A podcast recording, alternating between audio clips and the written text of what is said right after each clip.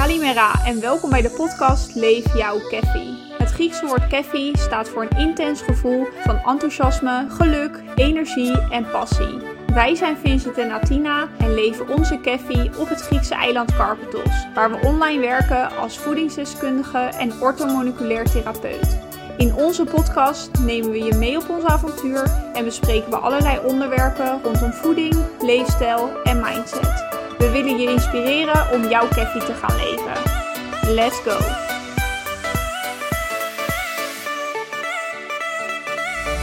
Kalimera en welkom bij onze nieuwe podcast. En we gaan het vandaag hebben over het mediterraans dieet en lifestyle.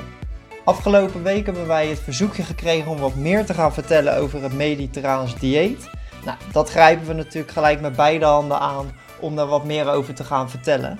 Dus, Atien, kan jij ons wat meer vertellen over het mediterraans dieet, wat het nou is? Yes. Ja, het mediterraans dieet is eigenlijk niet echt een dieet. Het wordt in de volksmond vooral zo genoemd.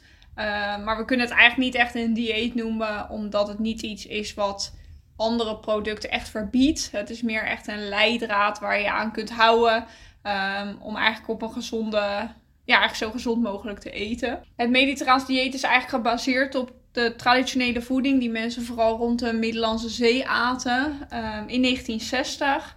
Um, en ze hebben hier tal uh, van studies naar gedaan. En eigenlijk is gebleken dat deze mensen onwijs oud worden en ook vooral gezond oud. Um, ze hebben veel minder welvaartsziektes, zoals diabetes, hart- en vaatziektes, Alzheimer. En ook veel minder chronische ziektes, uh, zeker op oudere leeftijd. Dus het mediterraans dieet kunnen we eigenlijk wel stellen dat het ja, een hele mooie gezonde basis is om als leidraad te houden voor een gezond voedingspatroon. Daar komt dan ook nog een stukje leefstijl wel bij.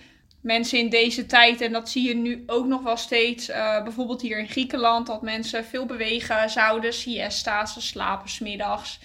Um, of rusten uitkomen even tot zichzelf. Het eten is dan dus veel plantaardig en wat minder vlees.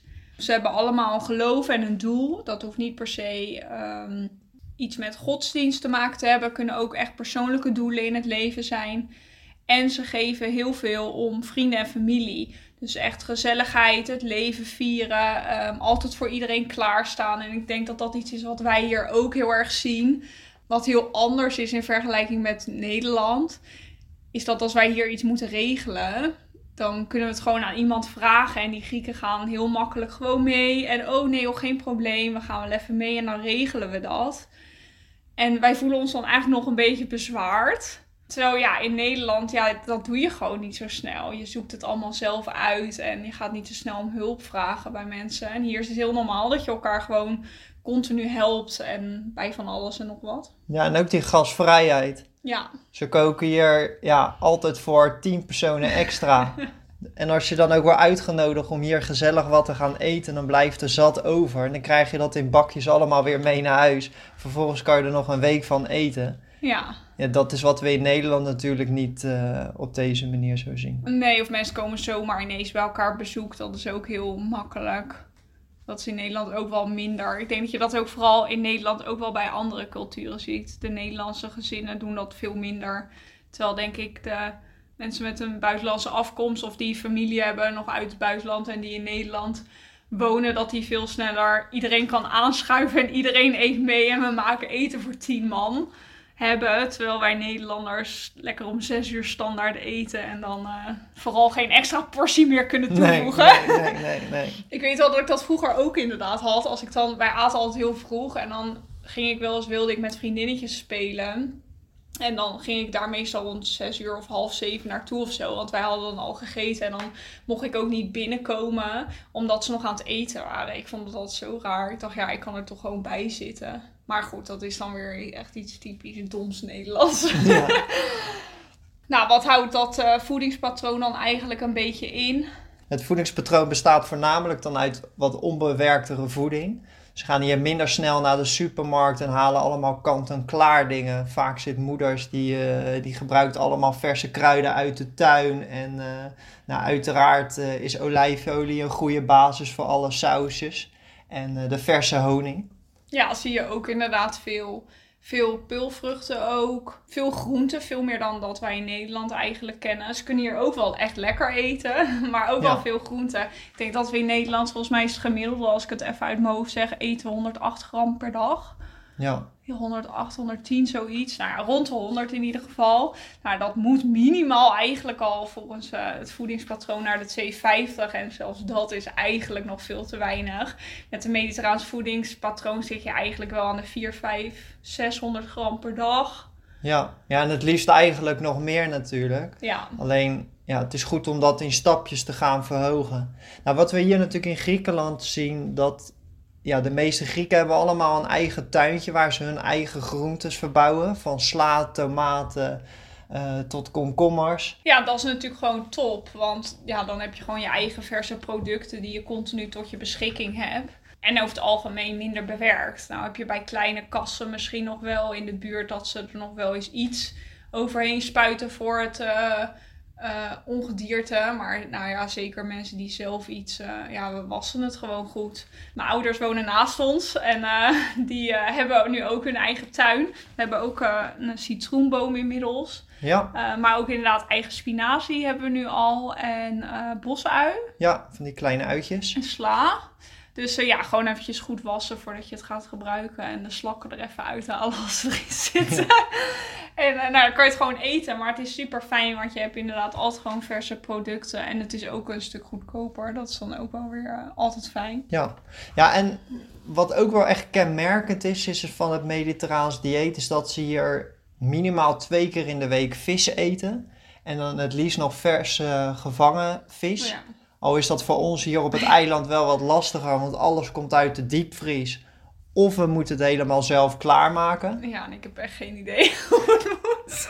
Dus dat is voor ons nog een mooie leerles om dat, eh, Ja. om dat nog uit te gaan zoeken. En ze eten hier ook wat minder vlees.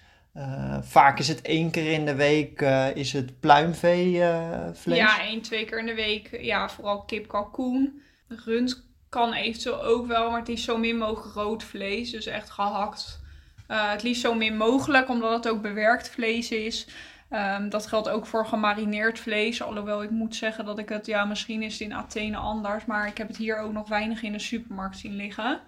Ehm, net als kipfilet, plakjes, dat kennen ze hier ook niet echt. Nee, Wat nee. wij in Nederland allemaal hebben, allemaal van die voor verpakte, bewerkte vleessoorten, dat eh, kunnen we hier niet eens krijgen. Dus dat is eigenlijk wel heel chill. Ja, en wat juist niet bij het mediterraans dieet eh, hoort, is eigenlijk die toegevoegde suikers, geraffineerde granen. Denk aan wit brood, witte pasta. Eh, ja, geraffineerde oliën, dus sojaolie ook liever niet. Gewoon echt lekker voor olijfolie gaan. Ja, en laat ook die zonnebloemolie lekker aan de zijkant niet, eh, staan. ook liever niet doen, inderdaad. Ehm, ja, eigenlijk gewoon inderdaad alle bewerkte voedingsmiddelen gewoon zoveel mogelijk mijden. Zelf sausjes maken doen we inmiddels ook zoveel mogelijk. Ik doe het wel dan nog af en toe met mayonaise, dus uit een potje. En dan daar een eigen sausje van maken. Ja. Ehm, dus we zijn nog op zoek naar een recept voor ehm, lekkere zelfgemaakte mayo. Ja, dus als jullie nog een lekkere recept Ja, hebben, deel het met weten. ons. Dan gaan we het uitproberen. Maar goed, die kleine stapjes, die gaan natuurlijk al het verschil maken. Die zijn gewoon super fijn. Dat is ook met kruiden. Ga echt voor ehm, verse kruiden. Zorg echt dat je dat ergens kan kopen. En niet in de supermarkt heb je ook die potjes verse kruiden. Liever niet doen. We zien dat heel veel met kaneel. Ehm, en dan kijk ik Finn eventjes aan om welke soort het ook alweer ging. Ja, je kan me aan blijven kijken. Nee, de, de goede, de goede eh, kaneel is de Ceylon kaneel. Ja, Die kan je vaak niet in de supermarkt halen, maar ja, wij hebben hem zelf van de notenshop eh, gekocht. Dan koop je in één keer zo'n grote bus en dan weet je dat dat eh, ja, de goede Ceylon kaneel is. ja, want die andere soorten kaneel die zijn vaak, nou ja, giftig klinkt ook zo Ja. bizar. Het is niet dat je eraan dood gaat, maar het is een giftige variant van kaneel. En dat is dan voornamelijk omdat het goedkoper is. Wat Ja. ze vaak in de potjes in de supermarkt verstoppen. En Ja. nu zag ik laatst ook nog een artikel dat, ehm, ik weet niet om welk merk het nou ging, maar een van die merken, eh, volgens mij die met die rode dop van de supermarkt potjes kruiden, daar eh, zaten allemaal glassnippers in. Dus die eh, werden ook uit schrappen gehaald. Dus jongens, haal lekker versje, verse kruiden. Ja, Of ga ze zelf kweken in de tuin, net als basilicum of, of dille. Dat, dat kan je allemaal makkelijk wel ehm, ja, zelf kweken in je tuin. Ja, wat je zegt, met, die, met dat lange houdbaar. Je kan ook van die kleine plantjes kopen. En die gaan bijvoorbeeld twee, drie weken minimaal mee. En dan kan je het op dat moment ervan afknippen wanneer je het nodig had. Wij Ja. hebben ook van de week hebben we dillen gehaald. Ja, het was een beetje te warm en het droogde toch te snel uit. Ja, ze hebben het even in de vriezer gedaan. Je merkt Ja. gewoon dat het echt lang goed blijft nu in de vriezer. En het blijft ook echt zijn smaken behouden. Ja, Ehm, dus dat is echt super fijn. Ja, wat je heel erg veel ziet, denk ik ook met het mediterraanse dieet, waarom het eigenlijk zo goed is of wat er eigenlijk allemaal in zit, is dat je gewoon. eh, het is gewoon veel minder suiker en koolhydraten. En de vetten en eiwitten die erin zitten, die zijn gewoon super gezond. Heel veel antioxidanten. Eh, wat ons lichaam echt nodig heeft voor alle eigenlijk ontstekingen die we tot ons krijgen. Heb je echt die antioxidanten heel erg nodig. En dat is gewoon super fijn door eigenlijk alle groenten en fruit wat je eet. En veel plantaardig. ja omdat dat natuurlijk ook veel meer de basis is. Dus je gaat veel meer om, die, om, het, om het groente heen ga je bouwen. Ja, veel omega-3 ook. In Nederland doen we dat ook nog niet eh, te weinig. Ik denk dat, nou, ik weet niet hoeveel er zijn, maar ik ken weinig mensen die twee keer in de week vis eten. Dat, eh, dat zie je heel weinig. En zeker voor die omega-3 hebben we echt die, die vis heel erg nodig. Ehm, dus dat is ook echt iets positiefs aan, eh, aan dit voedingspatroon. Ehm, ja, waar je eigenlijk aan kan zien waarom het dan zo goed werkt. Ehm, ze hebben ook onderzoek gedaan en zelfs ondanks dat het feit dat het mediterraans dieet veel vetten bevat, door de olijfolie ook vooral, is het toch een van de beste diëten voor gewichtsverlies. Ehm, en het komt denk ik voornamelijk omdat, ehm, zeker door die volkoren granen die je eet en die eiwitten en vetten, blijft, blijft je bloedsuiker gewoon heel stabiel. Waardoor je dus eigenlijk minder die snackmomenten krijgt. Dat je denkt van, oh, ik moet nu echt een, een bakje chips hebben. Of een, of een handje snoep. Of eh, die vier uur kippensoep waar iedereen het over, altijd over heeft. Dat je echt die snackdrang krijgt. Dat Ja. krijg je gewoon veel minder als je bloedsuikerspiegel eh, stabiel is. En daarnaast, wat ze heel erg zeggen, is dat het onwijs goed is voor mensen met diabetes type 2. Of om dit überhaupt te voorkomen. Omdat het gewoon zo weinig suiker en geraffineerde granen bevat. Ja, en echt wat een goede aanvulling is op wat je zegt. Juist wanneer je die snacks gaat eten, dat zit vol met suikers, vol met zouten, gaan je hersenen gelijk weer denken: oh, dit is goed, ik moet meer hebben en meer. En dan blijf je in die visuele cirkel. En het is juist goed om dat te doorbreken, om wat meer vetten te eten. En als jouw doel is om af te vallen, ja, kijk dan uit dat je niet een hele fles eh, olijfolie over je salade gooit. Maar ja, je mag daar best wel eventjes een paar lepeltjes olijfolie voor gebruiken.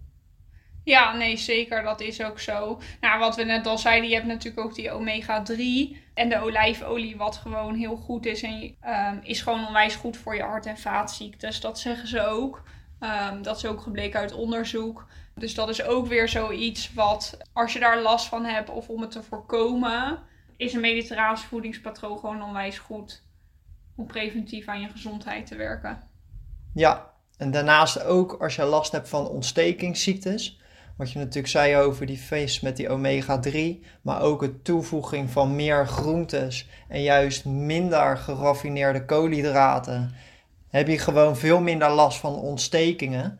Wat misschien even handig is om te vertellen, is wat die ontstekingsziektes nou precies zijn. Nou ja, dan heb je natuurlijk eh, reuma, artrose en eh, bijvoorbeeld colitis ulcerosa. Maar eigenlijk zijn heel veel eh, kleine dingen eigenlijk al ontstekingsziektes. Ja, de meeste welvaartsziektes beginnen bij een ontsteking. Omdat je lichaam, omdat je voeding te vaak te veel ontstekingsbevorderend is. Ja, En daarom is dit juist een goed voedingspatroon om te zorgen dat je voorkomt dat je last krijgt van ontstekingen. Ja, want dat heb je natuurlijk eigenlijk ook al met acne. Dat is ook uiteindelijk een ontsteking, waardoor je huid wil dat natuurlijk loslaten. En daardoor krijgen mensen dan last van acne of aczeem.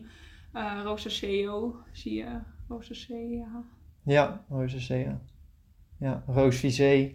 Noem maar, maar, zoals je wil. We weten allemaal wat je bedoelt. Nou, en, en als je daar dus last van hebt, dan is het mediterraans dieet echt wel een, een, een goede basis. En dan moet je wel goed op letten dat je juist veel olijfolie binnenkrijgt. Lekker dat stukje zalm. En eh, dat je dan een beetje oppast ja, met alle kanten klaar maaltijden en dergelijke die er juist voor zorgen dat je weer die ontstekingen gaat krijgen. Ja, dus we kunnen eigenlijk wel zeggen dat het mediterraans dieet eigenlijk perfect is voor als je laaggradige ontstekingen hebt om het op te lossen. Nou, en voor mensen die willen afvallen. Ik denk ja, en ja, en preventief uiteindelijk. Daar is het ook gewoon goed voor. Zeker op latere leeftijd zien we echt superveel hart- en vaatziektes. Volgens mij zo'n 25% van alle sterfgevallen komt hierdoor. Um, en ongeveer zo'n 2 miljoen mensen in Nederland hebben op dit moment hart- en vaatziekten. Ja, en het is voorlopig gaat het nog niet afnemen. Dus het is wel. ja, dus als jij preventief natuurlijk al er kan zorgen door een gezond voedingspatroon, dat jij later gewoon echt een uh, kleinere kans hebt om ja, dat soort ziektes te krijgen. Dat zie je natuurlijk uiteindelijk ook met kanker. Dat is natuurlijk deels genetisch.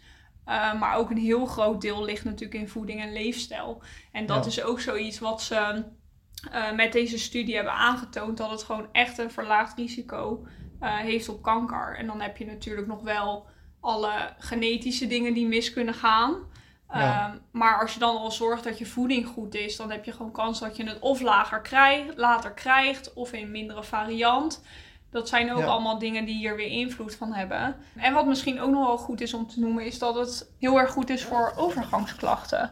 Dat heeft eigenlijk te maken met dat we zien dat heel veel vrouwen met overgangsklachten toch uiteindelijk nog wel veel um, verkeerde vetten en suikers eten. Wat eigenlijk allemaal ja, ontstekingsbevorderlijk is.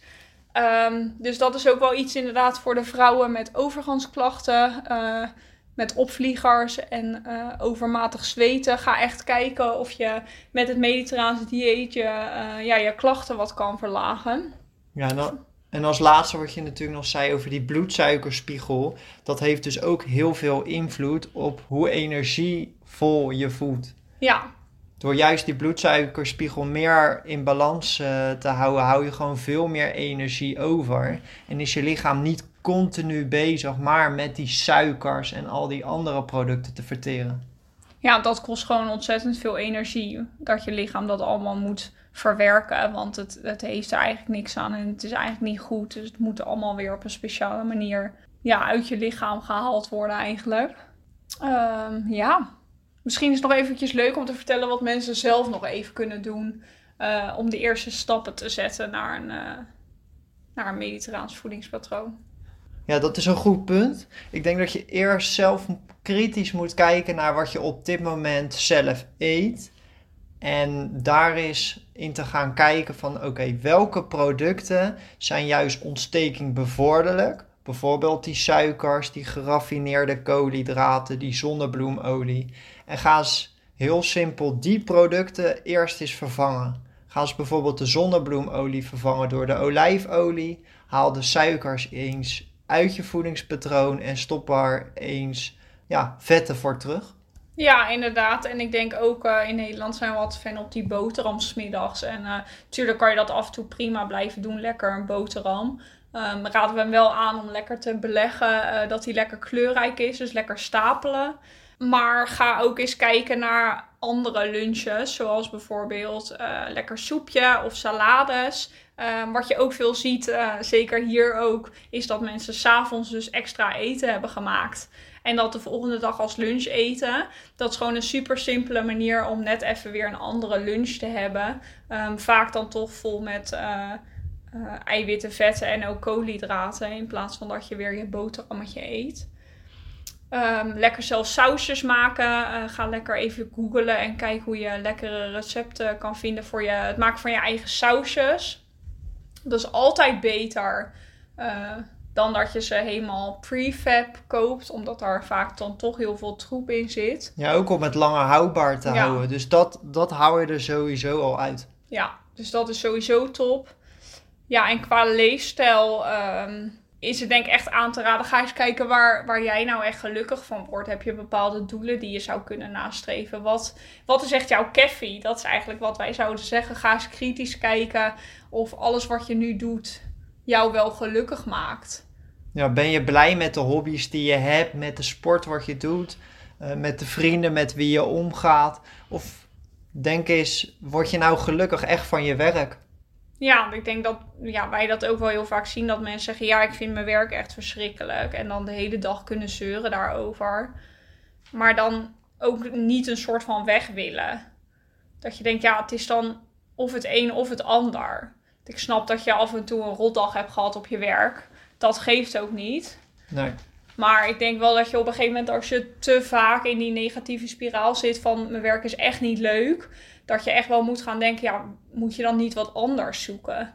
Want je belast anderen ermee door continu maar het negatieve erin te gooien en je blijft dus zelf ook continu in die negatieve spiraal. Ja, het is gewoon het stukje acceptatie natuurlijk. Ja. Als je niet blij bent met je werk, wil je het gaan veranderen? Nee. Ja, niet lullig bedoeld, maar dan is het gewoon accepteren en gewoon door blijven gaan en niet meer zeuren om je werk. Wil je het wel gaan veranderen? Ja, het gaat niet vanzelf, maar je kan als je totaal iets anders wil doen, een opleiding, omscholing of gewoon de brutale schoenen aantrekken en een bedrijf aanschrijven van joh, uh, ik, ik kan het nog niet, maar ik wil het wel heel graag leren. Ja, en ook als je al wat ouder bent, je hoeft niet gelijk in een diep gat te springen. Je kan ook gewoon zeggen, ik blijf gewoon nu nog bij mijn werk. Uh, maar ondertussen ga ik dus kijken naar iets anders. We hebben zo erg die belemmeringen geleerd van, ja, als je ouder bent, dan is het niet meer handig. Of als je eenmaal ergens lang zit en je bent daarvoor opgeleid, dan is het niet meer handig. Dat zijn allemaal overtuigingen die wij eigenlijk van ja, van iedereen, van ouders of van school of van vrienden hebben geleerd. Die ons een soort van maken tot wie we zijn. Terwijl we eigenlijk moeten gaan denken, ja, waar komen die overtuigingen nou precies vandaan en kan ik die niet veranderen? Ik denk dat dat heel belangrijk is om ook naar te kijken. Ehm, zodat je echt jouw leven gaat leiden zoals jij dat wil. Nou, ik voel hier een, uh, een volgende podcast. Ja, ik denk dat we hier echt uren over kunnen praten over dit onderwerp. Wij vinden het echt super interessant. Ja, ik denk dat nog wel één puntje wil ik eraan okay, toevoegen. Okay. En dat is, ja, deze les heb ik wel van die Grieken hier geleerd. En dat is uh, siga siga. En dat betekent? Ja, rustig aan. Ja. Wat het mooie van Siga Siga is, dat wij maken ons in Nederland ontzettend druk over allerlei dingen. Dat iets op tijd af moet zijn. En dat is ook een hele goede eigenschap. Daardoor staan wij als Nederlanders echt bekend. Alleen het gaat soms ook wel te ver dat je je helemaal druk maakt om onnodige dingen. En daarin denk ik dat we af ook wel eens van de Grieken en van alle andere zuidelijke landen wat kunnen leren ja, in, de, in de dag staat. We hadden het er toevallig met vrienden laatst nog over. Want uh, hun vroegen, ja, wat doen jullie donderdag? Komt dat uit? En uh, toen zei hij nog, uh, yeah, we don't have a fixed schedule. Ja.